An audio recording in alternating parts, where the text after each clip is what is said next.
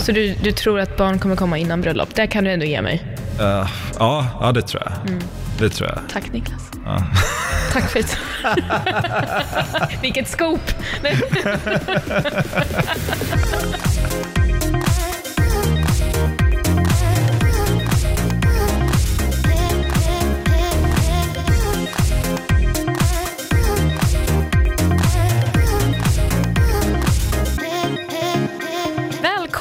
Välkommen till avsnitt 12 av Vad har hänt? Häng med bakom kulisserna i nöjesvärlden med mig, Sara Mansouri. Och Mansouri, det heter jag inte.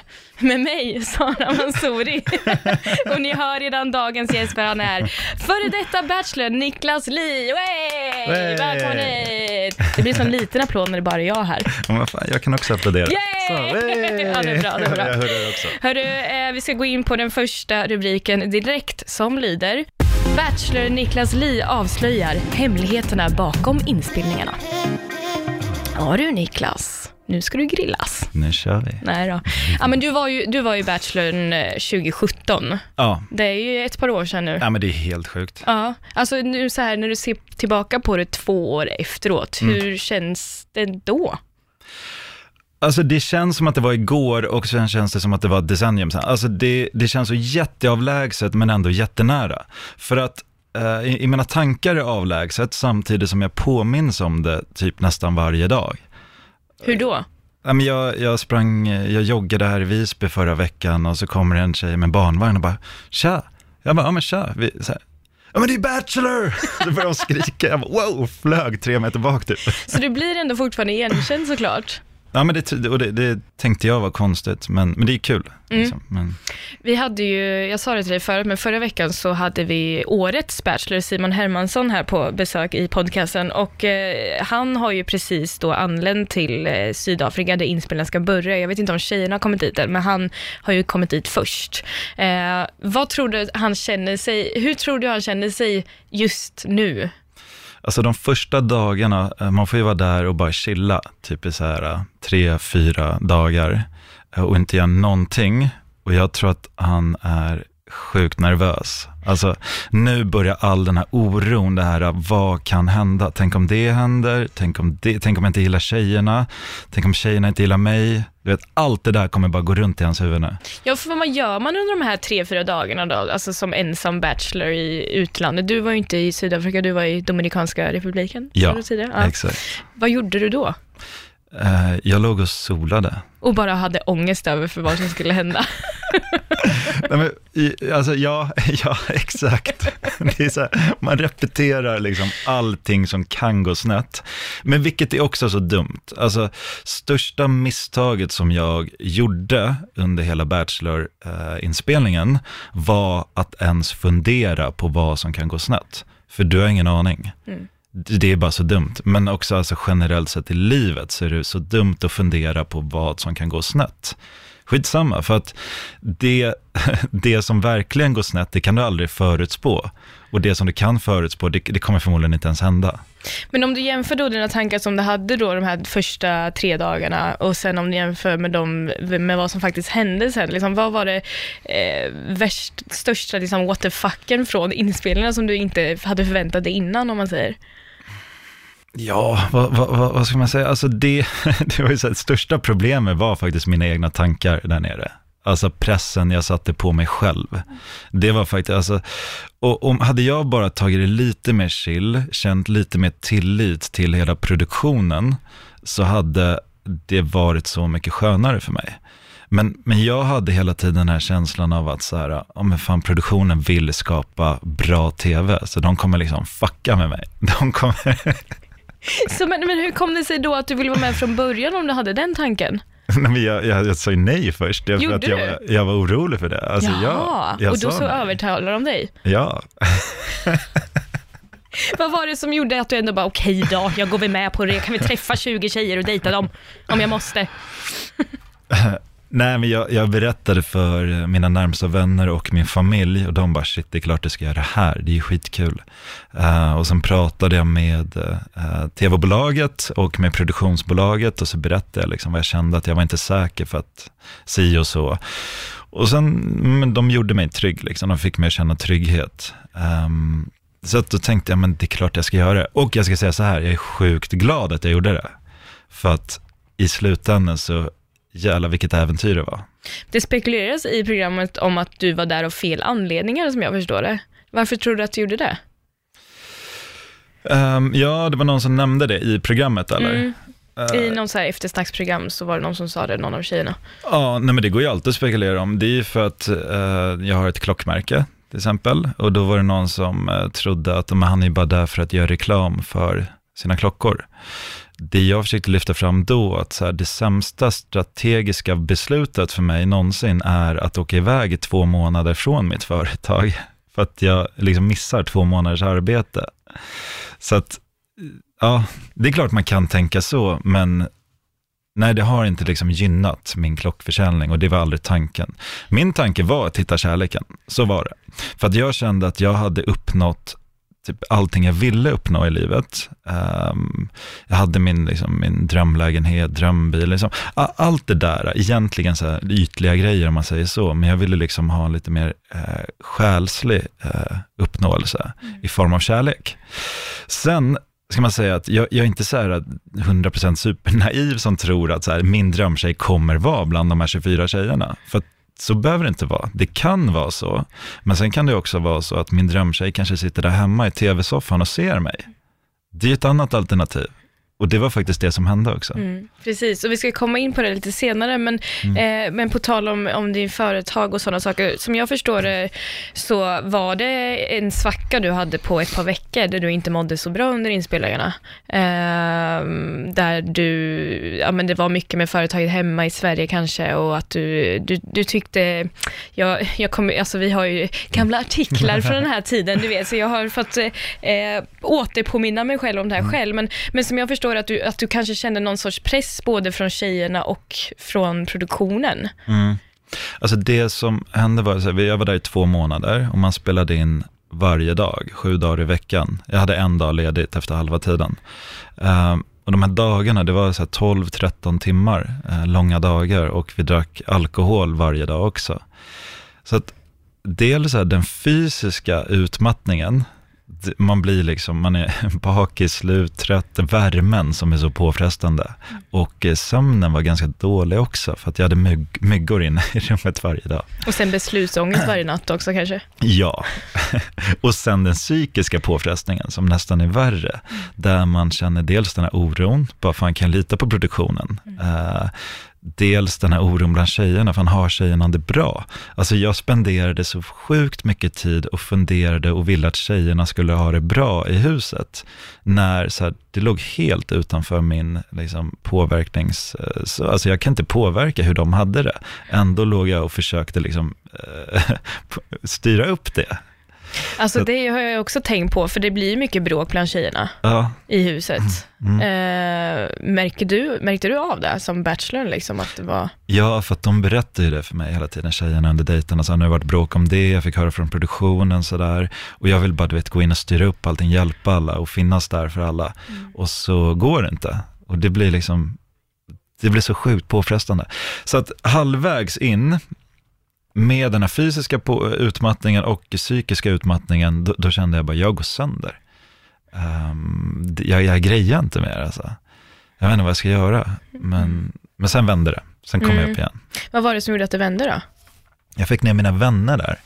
Uh, två kompisar som kom ner, uh, Daniel och Viktor. Mm. Så de gav mig... Shout out! Faktiskt. jag fick så mycket mycket ny, fräsch energi när de kom ner. Uh, och sen kom min pappa ner också. Mm. Det gav mig ytterligare energi. Och då kände jag bara, men nu är det nära målet. Fan vad gött det är med vänner och familj ibland alltså. Eller hur? Ja. Fan, det är bra energi där. Alltså. Men det, jag tänker ändå på det här, just det, det blir ju mycket, som Bachelor, man fattar ju att det är mycket press från både tjejer och produktion av naturliga skäl egentligen. Eh, men, men kunde du känna någon press att liksom du var tvungen att få känslor för någon? Att det kändes påtvingat? Eller föll det sig mer naturligt? Ja, alltså det har jag insett i efterhand att eh, det, alltså hela produktionen, jag kommer inte ihåg om det var 50 pers i produktionen, men alla, det var som att alla var tillsagda att liksom få det att spira kärlek. Så, och, och, i hela det klimatet och när alla bara så, oh men shit vad det såg ut som ni hade så himla romantiskt, vilka känslor, alltså fan hon, hon är helt betuttad i dig, du ser helt betuttad ut också. Allt det där pratet, jag menar det triggar ju igång känslor också. En ganska känslosam, eller väldigt starka känslor får jag lätt alltså. Eh, eller känslomänniska om man säger så. Så att jag blir liksom triggad också. Jag var aldrig orolig så här, om jag skulle få känslor eller inte. Det handlar inte om det för mig. Det handlar bara om att man blev jävligt påverkad. Tror du nu i efterhand att du var kär någon gång? Um, när jag var betuttad. Mm. Uh, för att är man kär, jag tror att det tar lite längre tid att bli kär, kär. Alltså en definitionsfråga. Men tro, bara, trodde du då att du var kär? ja, alltså känslan är ju att, wow, jag är kär. Mm. Um, men sen inser man någonstans att men det är ju bara en bubbla man är i.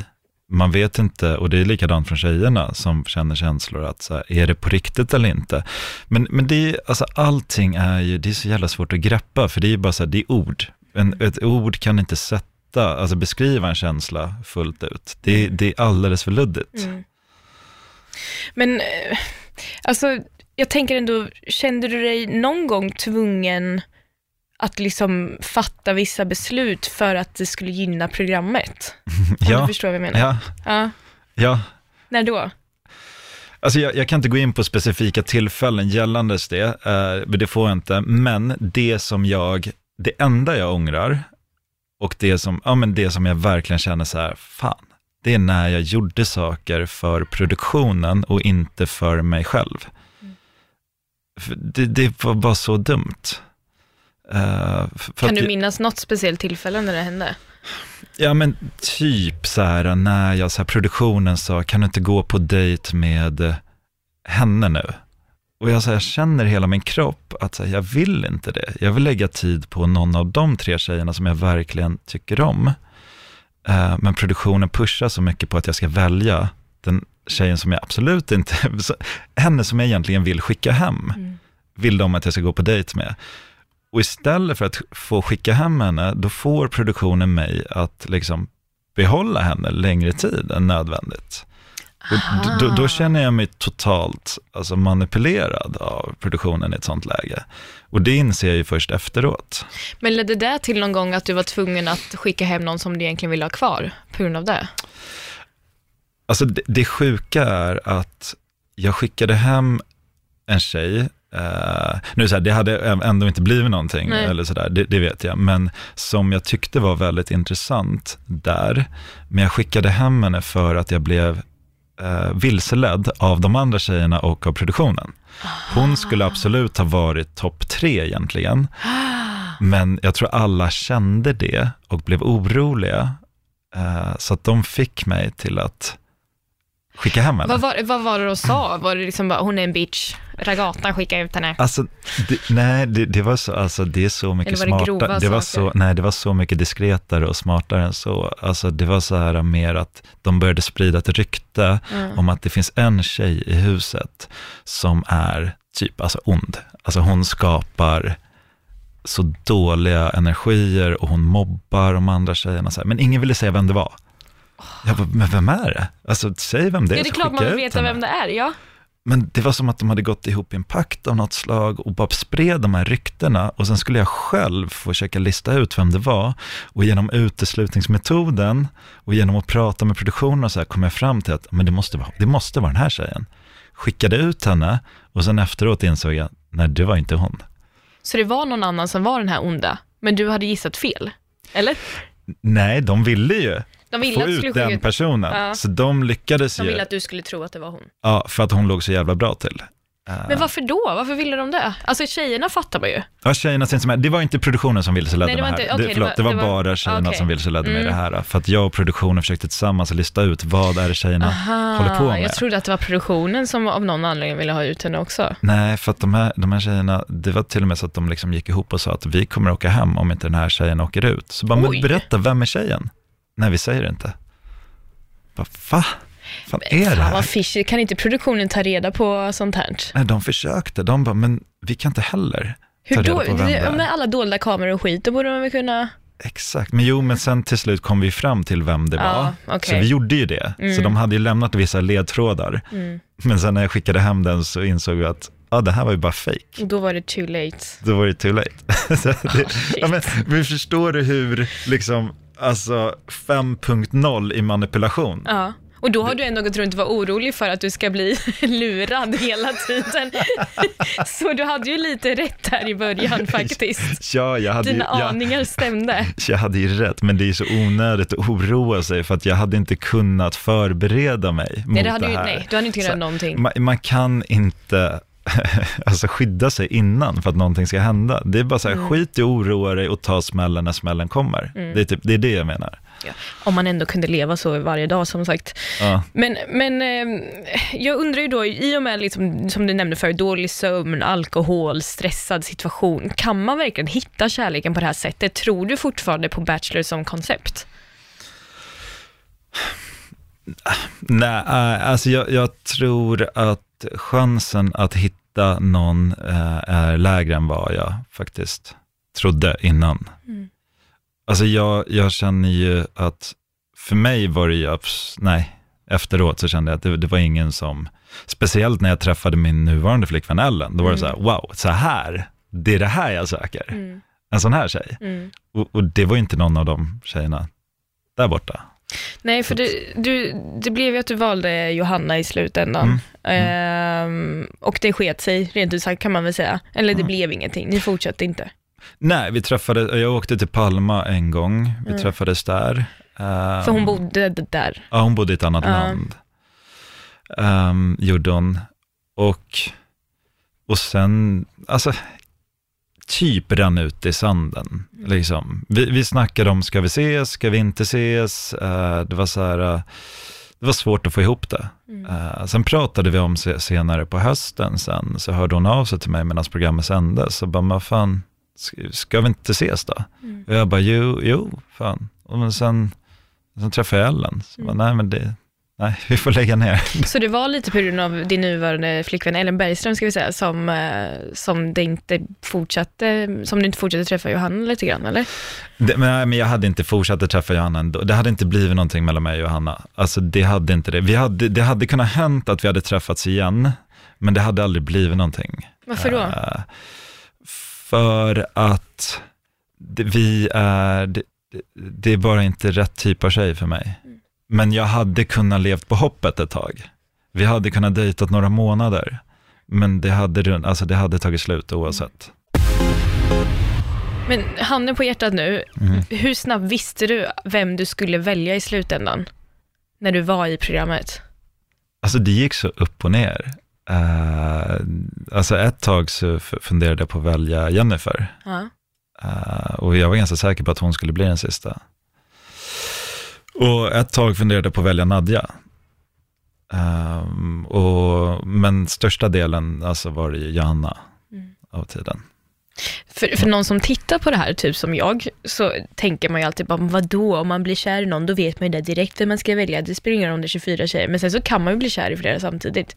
Så jag fattar verkligen, alltså det måste ju varit svinsvårt att bestämma sig i slutändan. Mm. Hur tar man ett sånt beslut? Ja, alltså jag tror så här, man kan bara älska en person Ja. samtidigt, om man, om man verkligen så djupt älskar någon. Eh, men att bli betuttad så kan man ju absolut bli flera samtidigt. Och, och det tror jag är också helst, alltså så naturligt, att man i ett sånt läge, datingläge, så kan man bli betuttad i flera för att Mm. liksom se vilka möjligheter det finns. Mm. Eh, vad, sa du, vad var frågan?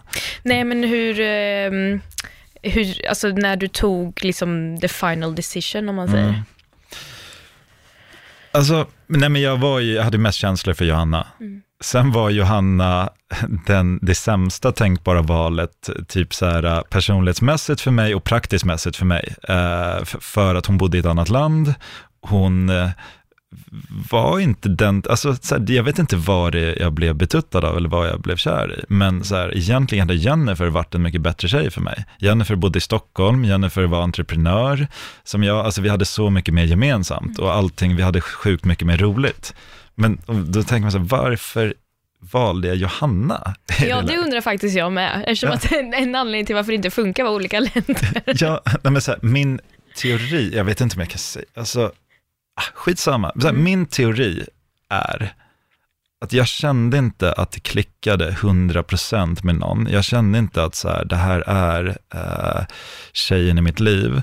Så att jag valde undermedvetet då, alltså någon där jag visste att det här kommer inte hålla. Mm. Jag tar personer som bor i ett annat land, för då kommer det inte hålla. Mm. Alltså, men det här är inte medvetet. Nej, det, det, är det som är alltså, det här det är en teori. Det har du i efterhand kanske, att det, här, det, kan ha varit så. Det kan ha varit så att mitt undermedvetna tänkte så. Mm. Jag har ingen aning. Nej. Men, uh, det är så intressant att du säger det, för jag kollar ju på Bachelor Australien också. Har du ah, sett det? Nej. nej. nej. Eh, då i slutet, spoiler alert nu förresten till dig som inte har sett hela säsongen, mm. pausa i, eller hoppa över några minuter. Eh, han i slutet, han väljer ju ingen av tjejerna. För, just av den här anledningen, för att han är så här, jag känner inte hundra för någon av dem och eh, jag kan inte gå in i och så bara välja en och sen gå in i och låtsas som att vi ska fortsätta ha ett förhållande och sen så vet jag egentligen att det inte kommer funka. Mm. Men sen så blev det ju folk som rasade på honom också, bara, hur kunde du inte välja någon, du hade 24 mm. tjejer och bla bla bla. Mm. Så det känns som i det läget så blir det ju fel vad man än gör kanske Ja, ändå. men fan, alltså stort cred till honom. Mm. Wow, alltså mm. det där är så modigt ändå att göra det där. Tycker du det? Ja. Hade det varit svårt att säga nej till båda? Alltså jag hade aldrig, alltså fan det där hade varit skitsvårt att göra ja. det där valet. Tror du du hade fått det av produktionen? de hade nog älskat det. Det blir väl jävligt bra TV. Men jag får hur uppstyrt var allt på plats, det här med dejten och sånt. Du nämnde förut att eh, det var någon, alltså de kunde bestämma ibland vem du skulle gå på dejt med och sådär. Mm. Men hur uppstyrt var allt annat med vad ni skulle göra? Alltså jag vet att Simon nämnde i förra avsnittet att eh, han har fått någon lista där han fått kryssa i aktiviteter han kan tänka sig att göra på sina dejter typ. Mm. Eh, men var det no vad fick du bestämma själv och vad fick du inte bestämma själv? Alltså, eh, nej men det är som man säger, de typ så här frågar mig, vad, vad vill du göra för typ av aktiviteter? Och jag sa typ, jag vill åka helikopter. Alltså de fixade helikopter två dejter. Nice. Det är en bra grej. Ja, så att, eh, så att man, jag fick komma med önskemål. Ja. Typ. Jag sa att jag gillar båt, var ute på några båtdejter. Eh, I alla fall två stycken tror jag. Så de försökte göra, alltså anpassa det så mycket som möjligt så att jag skulle trivas. Mm. Uh, samma sak med tjejer, de frågar vilken typ av tjejer gillar du? Mm. Um, det är klart att de, alltså jag vet att hon som castade för min säsong, uh, brukar casta Paradise Hotel annars. Så det var ju rätt mycket PH-tjejer. Ja, alltså, som har blivit PH-tjejer i alla fall. Ja, men en som hade varit, Kristin ja, Dahlmark, som ja, hade varit det. med i PH, mm. och sen två stycken som har blivit PH-tjejer. Ja, de kändes, också, det är Alexandra och Rebecca, de var ju väldigt PH-kompatibla. Kände du det då också? Ja. ja, men de var så här, under någon gruppdejt, de var, men fan, ska du inte, jag tror de klippte bort där, de var, men ska du inte äta här, ät lite mer ananas. Jag bara, va, vadå då? Ja, men käka mer, käka mer. Ja, men varför? Ja, men det smakar bättre sen, säden. och du bara, jag kommer se dem i PH snart, tänkte du direkt så. Nej men på tal, på tal alltså ser du på PH? Nej, jag kollar det. på Ex on the beach. Men, men för jag tänker, hur är det typ att se Alexandra i, ah. i PH? Får är med den här säsongen nu. Um, ja, fan, jag såg ett avsnitt när hon var med. Mm. Um, Nej, men alltså, fan, jag borde kolla i och för sig. Kul att se henne där. Mm. Uh, nej, men jag känner, alltså bara roligt. Mm. Alltså, Har ni någon kontakt? nej, men jag träffade henne på ett på fotbollsevent i eh, höstas, där hon sa att hon skulle vara med i Paradise Hotel. Mm. Uh, och då sa Ellen till henne, för Ellen var med också, hon bara, skärp dig, gör inte. Alltså, vad håller du på med? Är det sant? vad sa hon då? Hon bara, jo, men jag vill... Um, promota en grej som bla bla bla. Uh. Eller jag vet, någonting sånt där, jag hörde inte riktigt. Uh. Men, uh, och, ja, men hon körde ju ändå. Mm. Men har du kontakt med någon av de andra tjejerna, någon du är vän med idag till exempel? Emma, eller? jag klipper med oss Emma. Ah, just det. Men hon var ju din eh, frisör innan också. Ja, det, ja. det sket sig inte. Det blev inte en Jag konstig började, relation. jag först började gå till en annan frisör. Ja, det var så. Sen var det så här, fan Emma är jävligt bra alltså. Tog, man tog det tillbaka enkelt eller? Ja, alltså hon blev jätteglad. Ja, om vill ha en till kund. Ja, Nej, men vad det var. Så allt är bra i alla fall mellan er och du är, ni är kompisar. ja, ja, ja. alltså jag, jag känner, alltså jag, jag är glad på alla. Mm. Eh, jag känner inte agg mot någon, utan jag känner bara vän, alltså, vänskap till alla. Mm. Eh, Men varför tror du ändå att det skiter sig efter Bachelor? För så här var det med David Möller som var med nu eh, eh, efter dig. Mm. Det var ju lite liknande situation som jag förstått om man hör på det utifrån, att det, att det var så här, de kom hem efter inspelningen och sen så rann det ut i sanden och nu har han träffat en ny tjej. men fan, vem är David Möller? Det är han som var Bachelor 2018. Har du missat honom? Jaha, han polisen. Ja, precis. Jaha, nej, jag kollade inte. Såklart du inte gjorde. Kollar du inte på någon reality-serie? Ex on the beach Jo, sa du? Ex on the beach. Ja, fan det är bäst. Men det är så eller? jävla bra, för att det går inte ut på någonting.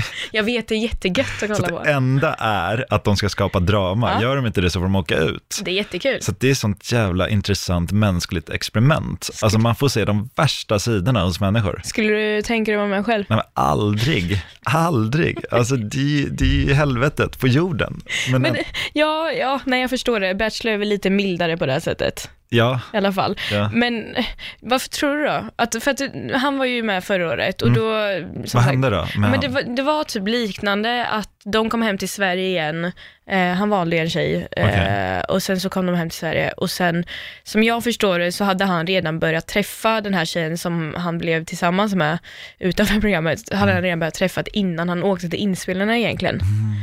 Men, eh, och sen så då, jag vet inte om det är sant, men det, det var det spekuleras i. Mm. Men sen så blev han, det rann ut i sanden med hon som han eh, valde i programmet helt enkelt, så de Mm. fortsatte inte träffas. Mm, Och, nu, och sen så blev han tillsammans med en annan tjej. mm. Eh, Alltså jag, jag, alltså jag vet inte varför, jag tror att det, det är jävla knepig situation just att man har dejtat. Så här, om, om jag, om jag hade fått reda på att Ellen dejtade 23 andra killar samtidigt som vi dejtade de två första månaderna, det hade varit ett jobbigt alltså.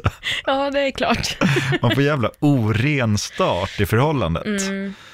Jag tror inte att det är optimalt. Särskilt när det går på TV.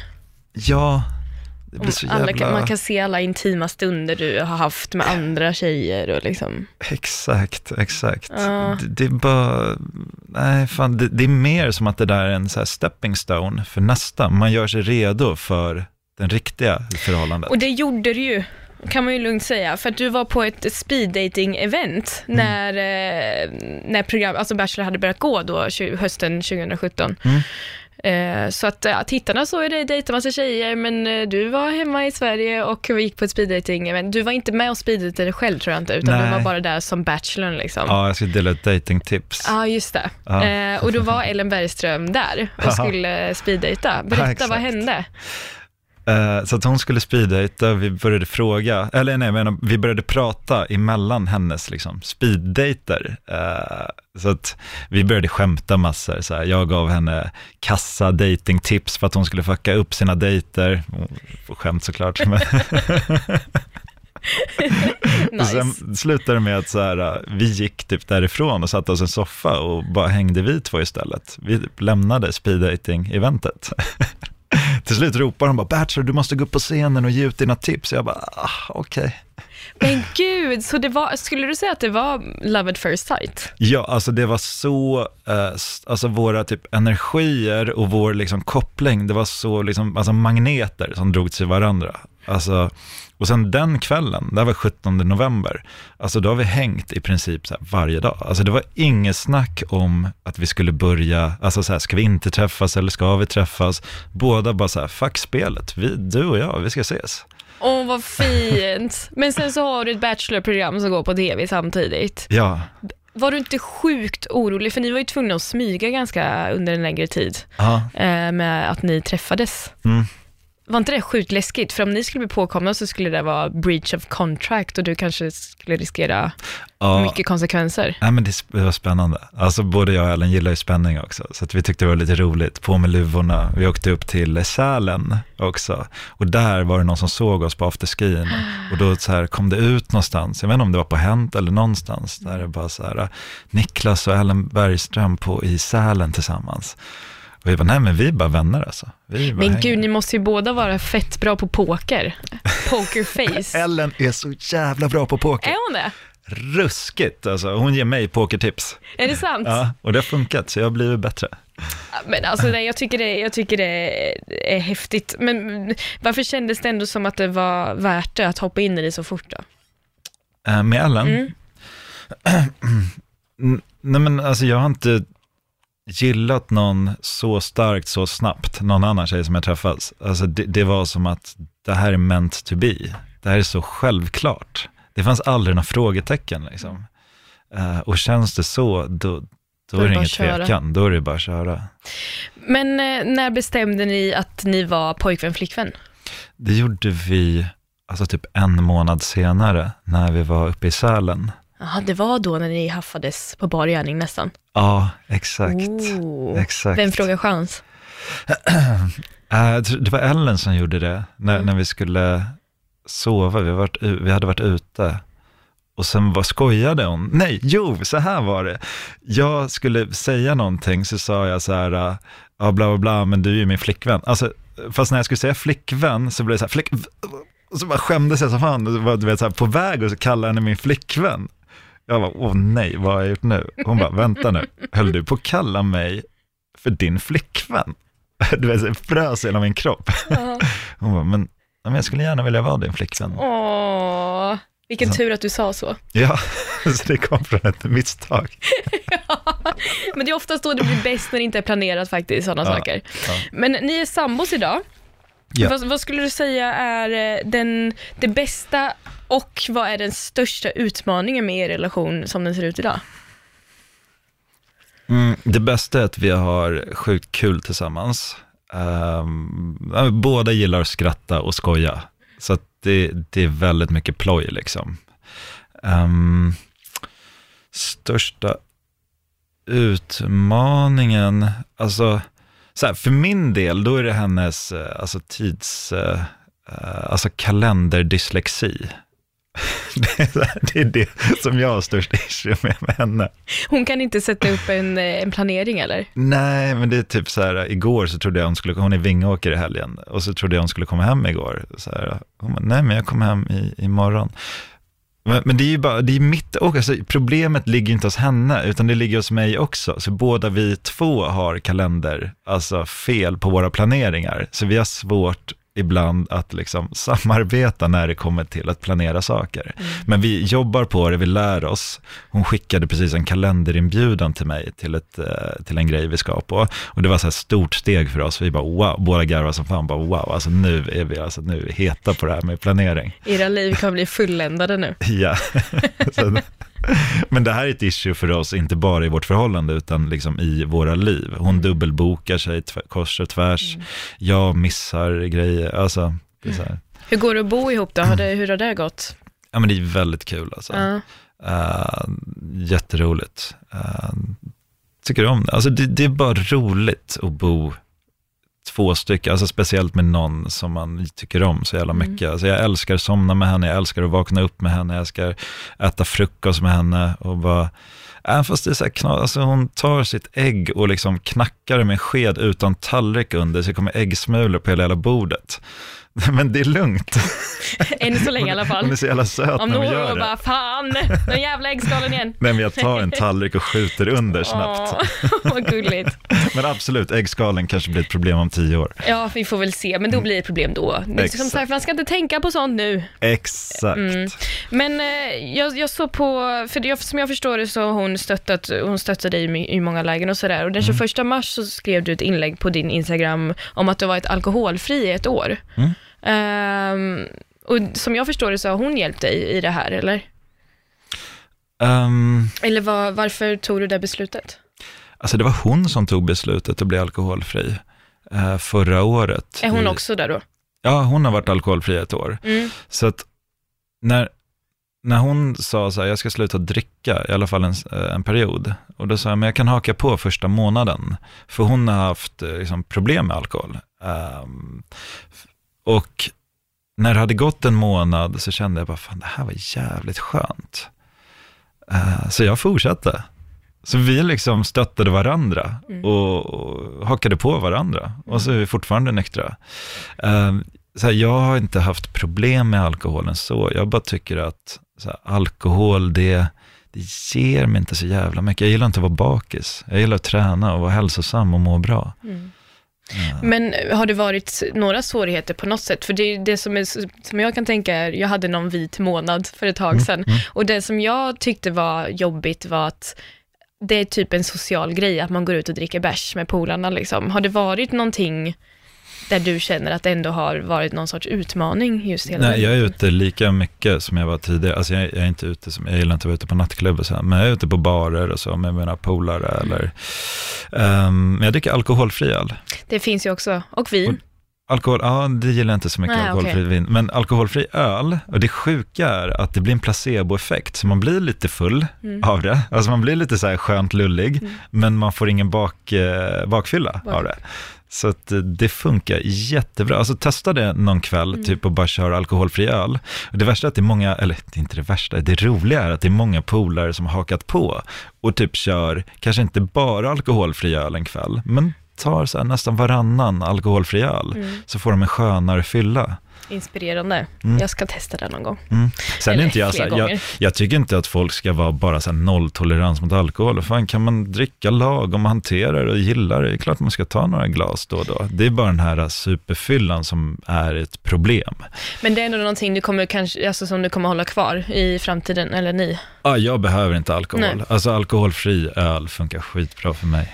Annars då, om man tänker framtid, så är jag väldigt nyfiken på, och jag tror den som lyssnar också, hur ser det ut med era framtidsplaner tillsammans? Blir det något bröllop? Kan vi höra klockorna ringa? Ja, men det återstår att se, det får vi se. Eh, Alltså vi, så här, vi, eh, vi älskar varandra och, och kommer rocka på. Alltså vi håller på och letar eh, lägenhet, en ny lägenhet. Ehm, så det är nästa steg. Mm. Och så tar vi ett steg i taget bara, men det går framåt. Men har du något, alltså vill du fria själv eller vill du att hon ska fria? Um, ja, men det spelar ingen roll för mig. Jag, jag tror att det kommer bli som det har blivit med alla andra grejer. Alltså eh, att hon smyger in små pikar eller pushar till att det går framåt. Typ som Aha. första gången vi skulle säga jag älskar dig. Då liksom då tweakar hon och pushar och liksom smyger tills jag fattar att okej, jag ska säga, alltså nu är det Hur dags. gjorde hon det? Det måste man ju få tips på.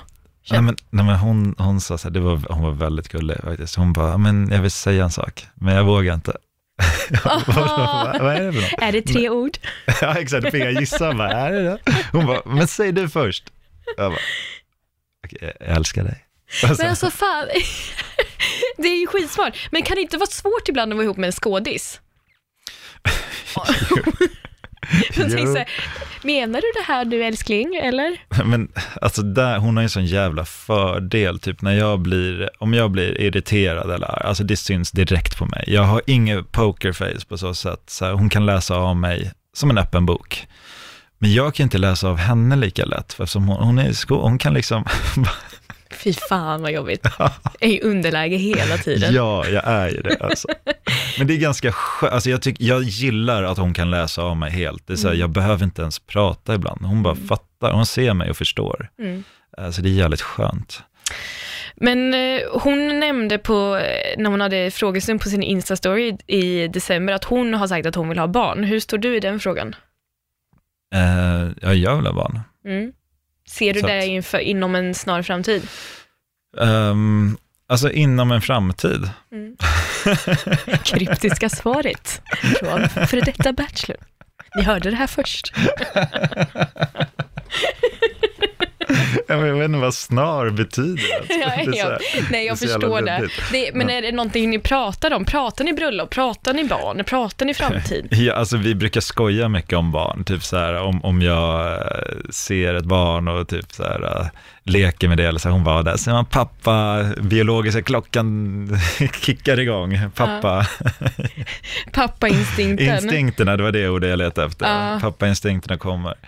Ehm, så att så här, både jag och Ellen tycker om barn väldigt mycket, Eh, det är ingen stress, men eh, förhoppningsvis så kommer det eh, väl komma inom några år i alla fall. Mm. Hur ser drömbröllopet ut? Alltså jag är mer inriktad på barn än bröllop faktiskt. Eh, Så du, du tror att barn kommer komma innan bröllop? Det kan du ändå ge mig. och ett, eh, ja, ja, det tror jag. Mm. Det tror jag. Tack Niklas. Ja. Tack för det. Vilket scoop! barn innan bröllop. ja, Niklas, jag ser rubriken framför mig redan nu. Eh, ja men kul, jag har eh, en sista grej, för jag vet att, att ni är ute och surfar tillsammans och sådär och reser, eh, har jag sett och sådär. Vilket surfställe är bäst i världen? Jag vet att på din företagssida står det att du kan svara på den frågan. Ah. ja, men jag gillar Bali. Åh, Bali. Ja. Vart på Bali? Eh, jag har mest surfat på Kuta Mm. faktiskt. Där är det så jävla crowded dock. Eh, men, men sen gillar jag bara alltså, ute på de här Travangga, äh, Giliöarna. Giliöarna. Ja, Giliöarna Mm. ja. Travangan och Giliär och där. Mm. Det tycker jag är magiskt. Var ska man absolut inte åka då, Ehm, för att surfa? just för att surfa. Eller jag vet Ja. inte. Ditt värsta, nej, inte kanske bara surfa då. Mm, mm. Överhuvudtaget. Vart åker du aldrig igen? Hört jag aldrig åker igen. Jag, jag gillade inte Tunisien så jävla mycket. Nej. Eh, Men jag var jätteliten när jag var där. Eh, Men, så att det var nog min reflektion av mina föräldrar som inte gillade Tunisien egentligen. Varför gjorde de så inte jag det då? intalat mig. För att det var en mattförsäljare som kastade en matta på pappa och tvingade han att köpa den. Hur Så- fan går det ihop? Han låg och solade på stranden, så kommer mattförsäljaren och bara så här, nej men inte kasta, men så här lägger den typ på pappa. Och pappa kan inte säga nej. Så han bara, nej men Så vad, svensken. köp. Ja, jättesvenskt, man är supersnål men kan inte säga nej. Så att han köper den mattan, han mår så jävla dåligt över det. Så att, så här. Han har den här mattan på landstället i Norrtälje. gud. Så varje gång jag ser den så tänker jag på hans ångest i jävla Tunisien. mattförsäljaren. Kommer aldrig komma ifrån det. Vad händer annars för dig nu i framtiden då?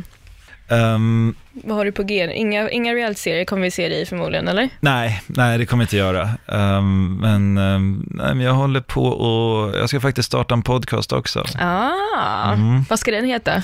Det kan jag inte avslöja. När kommer det här avsnittet sändas? Eh, Det här kommer komma på torsdag. Okej, nej, då kan jag inte avslöja. Nej, oh, ännu Men, eh, mer spännande saker i ditt liv som vi ja. måste följa upp. Ja, man kan hålla koll på min eh, Instagram, Mm. Niklas Li, för där kommer jag lägga ut när den kommer. Eller så kan man hålla koll hos er på Hänt. Det för kan man att jag, absolut göra. jag säger till er när det är dags. Grymt. Absolut, du kan lita på Hänt. ja, bra. Tack så jättemycket Niklas för att du var med. Ja, det var kul att vara med. Tack, Tack. ska du ha.